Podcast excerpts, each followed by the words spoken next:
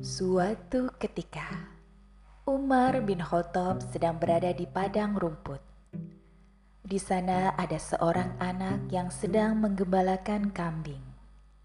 Terbesi di hati Umar untuk menguji anak itu. Akhirnya, dia pun menghampiri anak itu.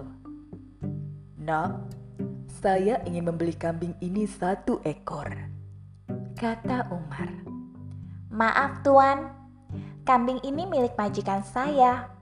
Tuan datang saja kepadanya. Jawab si anak penggembala. Kambing-kambing ini kan jumlahnya ratusan.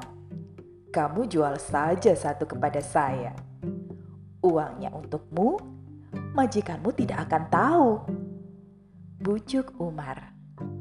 Majikan saya memang tidak melihat dan tidak tahu. Tapi Allah maha melihat dan maha mengetahui. Jawab anak itu dengan tegas. Hikmah dari cerita tersebut adalah jangan coba-coba berbuat yang tidak baik, sebab Allah Maha Melihat apa yang kita kerjakan.